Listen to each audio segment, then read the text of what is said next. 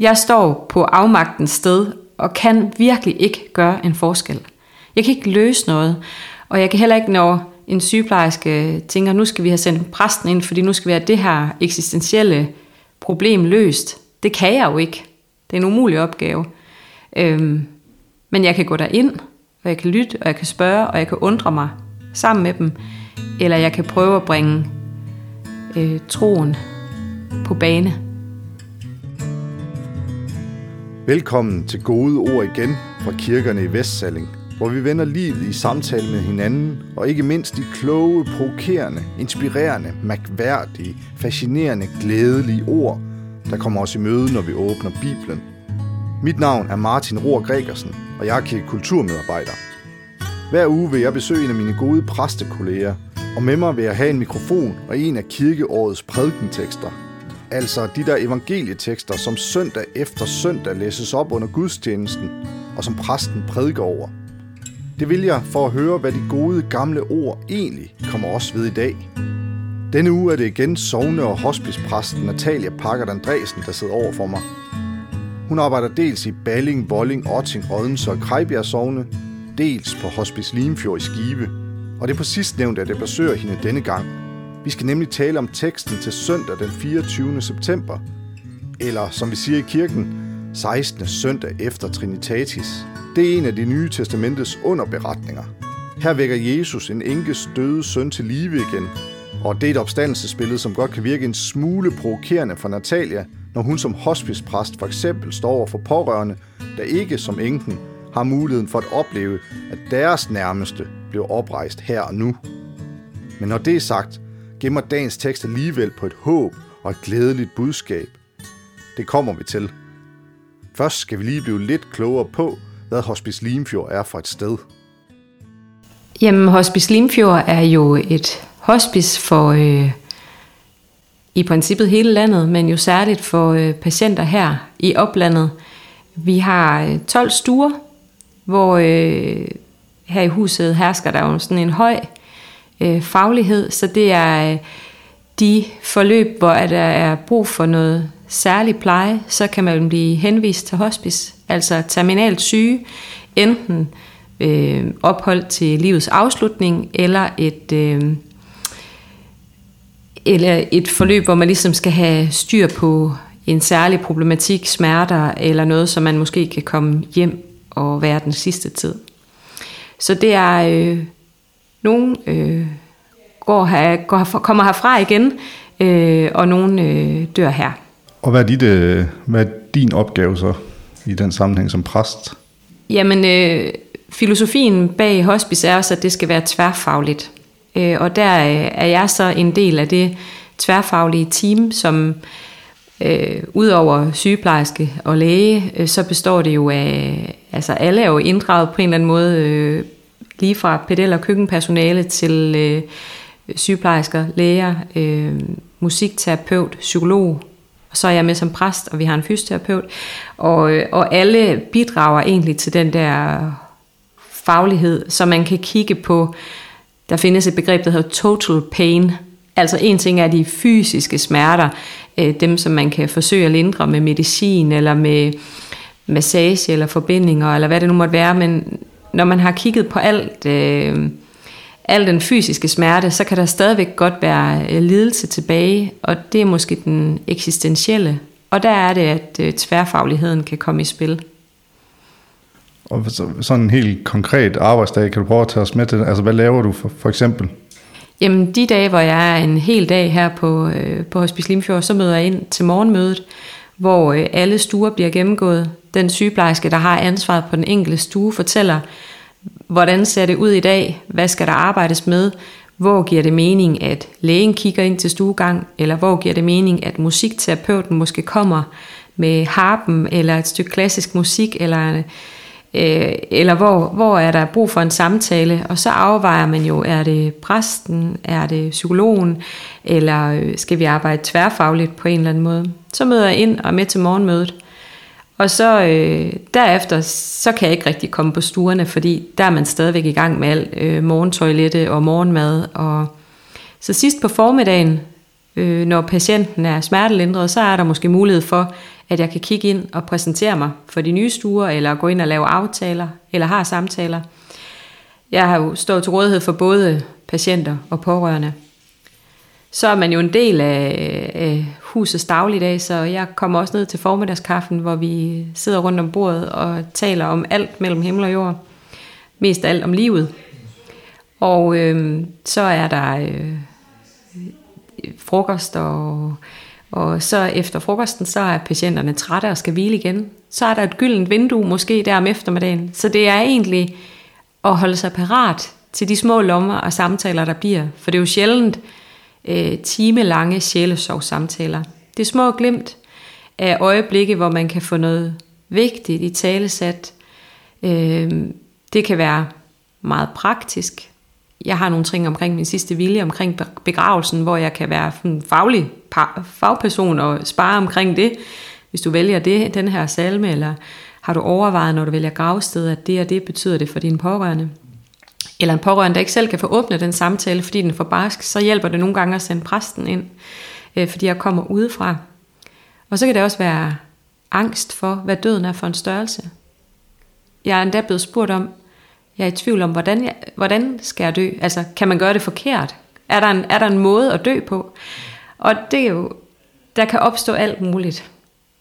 Og øh, selvfølgelig prøver jeg også øh, gøre noget for, hvis der er børn som pårørende, så vil jeg også gerne have samtaler med dem, eller lave, samle dem, hvis der er i perioder af flere børn, så man kan, at de kan dele de tanker med nogle andre jævnaldrende. Mm hvad du som præst kan komme med af svar eller overvejelser eller refleksioner i forhold til for eksempel så et spørgsmål der, som du altså kan jeg dø på den rigtige måde? Jamen jeg kan jo altid kun øh, bringe det på bane, som, altså, som jeg selv tror på. Altså, så det er jo, en, det er jo sådan sprækker af håb og forkyndelse og øhm,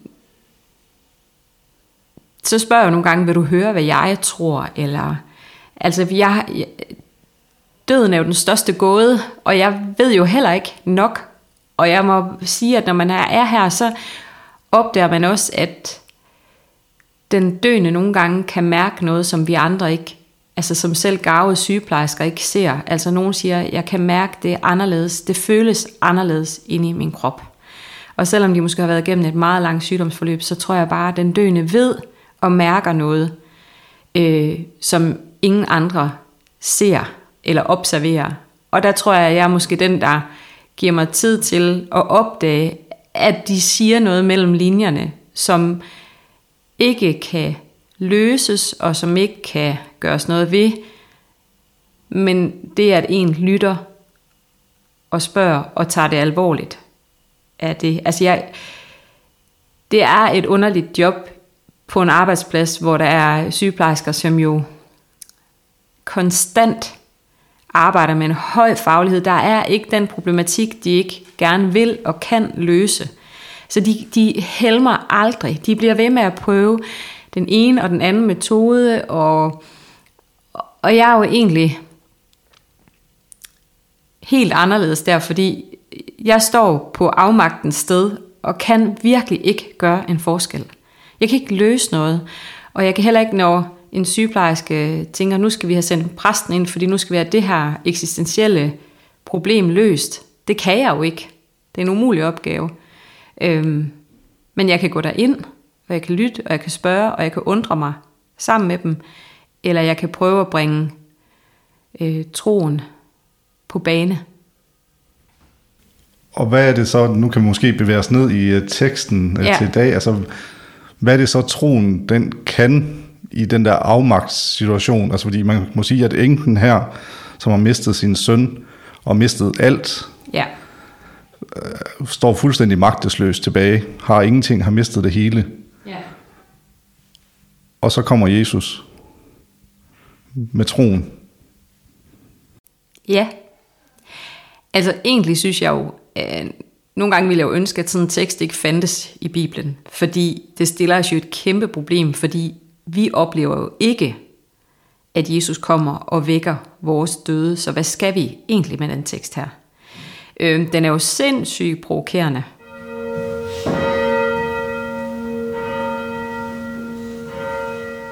Derefter gik Jesus til en by, som hedder Nain, og hans disciple og en stor skare gik sammen med ham. Men da han nærmede sig byporten, se, der blev der båret en død ud, som var sin mors eneste søn, og hun var enke, og en stor skare fra byen fulgte med hende. Da herren så hende, ynkede han over hende og sagde, Græd ikke. Og han gik hen og rørte ved borgen. Bærerne stod stille, og han sagde, Unge mand, jeg siger dig, rejs dig op. Der satte den døde sig op og begyndte at tale, og Jesus gav ham til hans mor. Alle blev fyldt af frygt og priste Gud og sagde, en stor profet er fremstået blandt os, og Gud har besøgt sit folk. Og det ord om ham nåede ud over hele Judæa og i hele omegnen.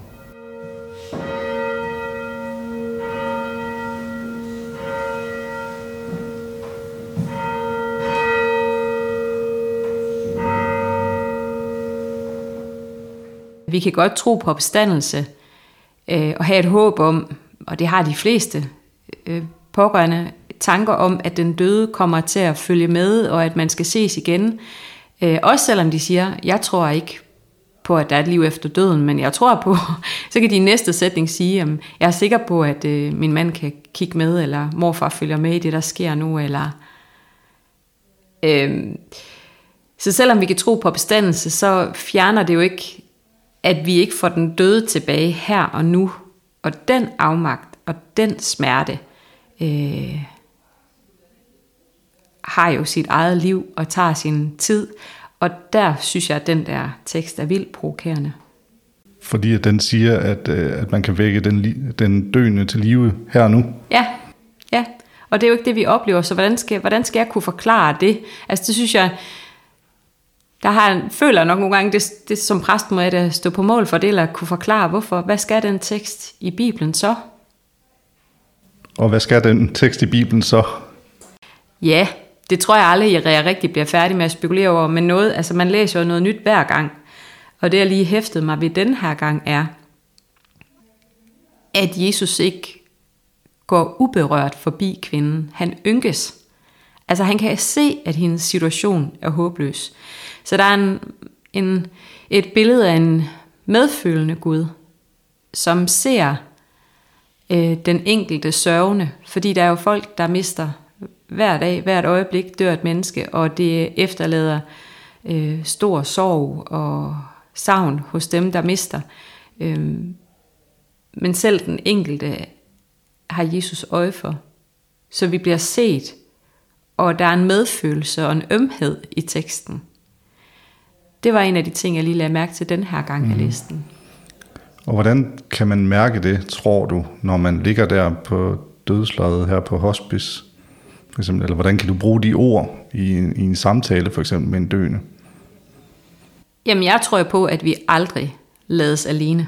Altså, Gud er med hele vejen, og Gud har sendt sin søn ind i døden i forvejen for os, for at vi heller ikke der skal være alene. Så, så Gud er med i alt, hvad der sker.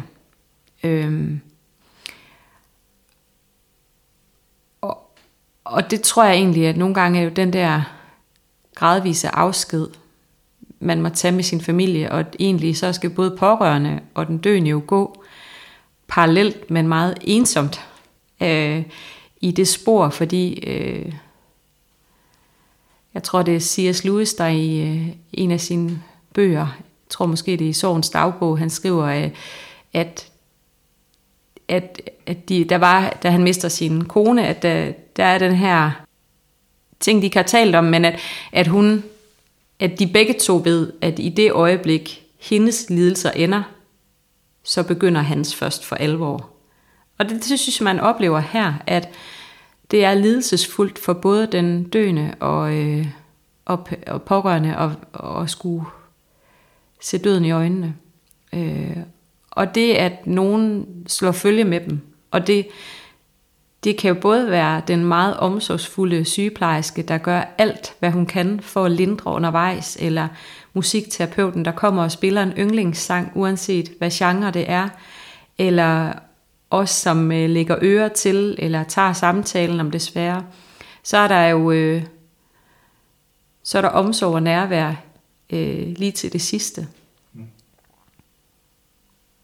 Og det er også, altså, er det den trøst, du også, altså, der trods alt finder i den her øh, provokerende tekst også, altså, jeg tænker på, altså nogle, et af de ord, der står stærkest, når jeg læser det, det der græd ikke, som jo altså, altså som genlyder i, i hele vejen igennem ja. det nye testamente, frygt ikke. Ja. Øh, men det er måske også nemmere sagt end gjort i den der situation. Altså, hvad skal man ellers gøre, hvis man ikke skal græde? Ja, og man skal jo begge dele, øh, jeg tænker, at man bliver nødt til også at græde, og man bliver nødt til også at rase, og det er også nogle af de ting, vi taler om her, at, at man må være her med alle de følelser, og altså, der er jo rigtig meget liv her øh, på Hospice Limfjord også, at folk tænker, at det må være et forfærdeligt trist sted at arbejde. Det er faktisk et meget, meget levende sted at være. Øhm, fordi at det jo også selve livet kogt ind til sådan essensen på en eller anden måde. Og derfor, altså familier kommer jo ind, som de er, med alt, hvad de har været, og alt, hvad de ikke kan være for hinanden. Altså, nogen, altså, nogen øh, stuer er der kæmpe afmagt og stor smerte og uforløste følelser, og andre steder er der en enormt hyggelig og rolig, afslappet stemning. Så man får også på en eller anden måde virkelig essensen af menneskeliv og mærke, når man er her. Både det gode og det svære. Øhm, ting får en anden betydning her. Men hvis du så skulle, øh, hvis du nu så blev tvunget til at tage den her tekst i brug, ja. til en gudstjeneste her ja. øh, på ja. hospice, hvad vil du så, altså hvad vil du så slå ned på? Altså hvad vil det, det glade budskab være, du vil hive ud af den her tekst her? Det vil jo også nok være, at, at når nu den skal være der sådan en provokerende tekst i Bibelen, så sætter den jo så også ord på de følelser og de drømme, vi alle sammen har. Fordi hvis der er noget, man kan mærke her, så er det, at indimellem så slipper håbet ikke før til aller, aller sidste åndedrag, hvor øh, måske alle andre omkring stuen har været parat længe før, men der er et eller andet, der er jo stuer, hvor man drømmer om, at den, den døde kunne opvækkes sådan her og nu. Øh, at Jesus lige trådte ind og sagde, du skal ikke græde, fordi nu kommer jeg og løser det for dig. Øh, så på en eller anden måde bliver der også sat ord på de følelser, der findes. Altså det, det er rigtigt nok, at vi ønsker os det.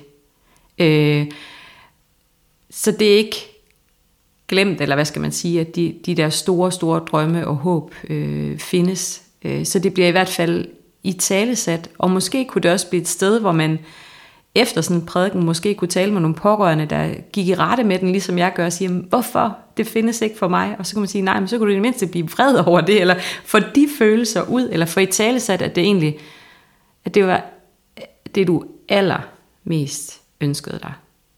Og hvis det så ikke kan ske, hvad så? Fordi det er også en af de ting, der står stærkt her, det er, hvor meget proces der er undervejs, når man hele tiden flytter håbet. Fordi håbet holder vi egentlig fast på, og det er så integreret en del af hverdagen, at øh, selv lægen kan finde på at spørge en patient, hvad håber du på? Og håbet kan jo flytte sig mange gange. Nogen siger, jeg håber, jeg kan få det så godt, at jeg kan komme hjem og være den sidste tid. Eller jeg håber på, at kan, kan være her til jul, fordi jeg elsker jul. Eller jeg håber på at kunne nå mit barnbarns konfirmation. Så der er jo håb hele vejen. Og nogen kan også bare få lov til at sige, jeg håber det går hurtigt. Jeg håber jeg dør snart. Eller jeg håber jeg dør smertefrit. Så på en eller anden måde så er der plads til alle håb her undervejs. Og også måske det håb, at, at ham, der så engang kunne gå på jorden og genopvække de døde, han, han, han stadigvæk på en eller anden måde har magten til at, at gøre, at døden ikke bliver det sidste punktum, men at der er et, et liv efter døden også. Ja, fordi hvis man så netop bliver anfægtet af den her tekst, så kan man jo øh, bagefter måske gå ind i en samtale om, hvordan døden faktisk er forandret efter Jesu død. Ikke? Altså der er, der er sket noget med døden. Øh, den overvandt han. Og så kan man måske få en samtale derfra. Det var gode ord igen. Tak fordi du lyttede med. Denne episode er redigeret af mig, Martin Rohr Gregersen. Og vil du have flere gode ord, så husk, at du selvfølgelig altid er velkommen i en af vores mange kirker, sovnhuse eller konfirmandstuer. Du kan finde gudstjenester og andre aktiviteter på vores hjemmesider eller Facebook-kanaler, som du også finder links til i podcastbeskrivelsen. Og så håber jeg selvfølgelig, at du lytter med igen i næste uge.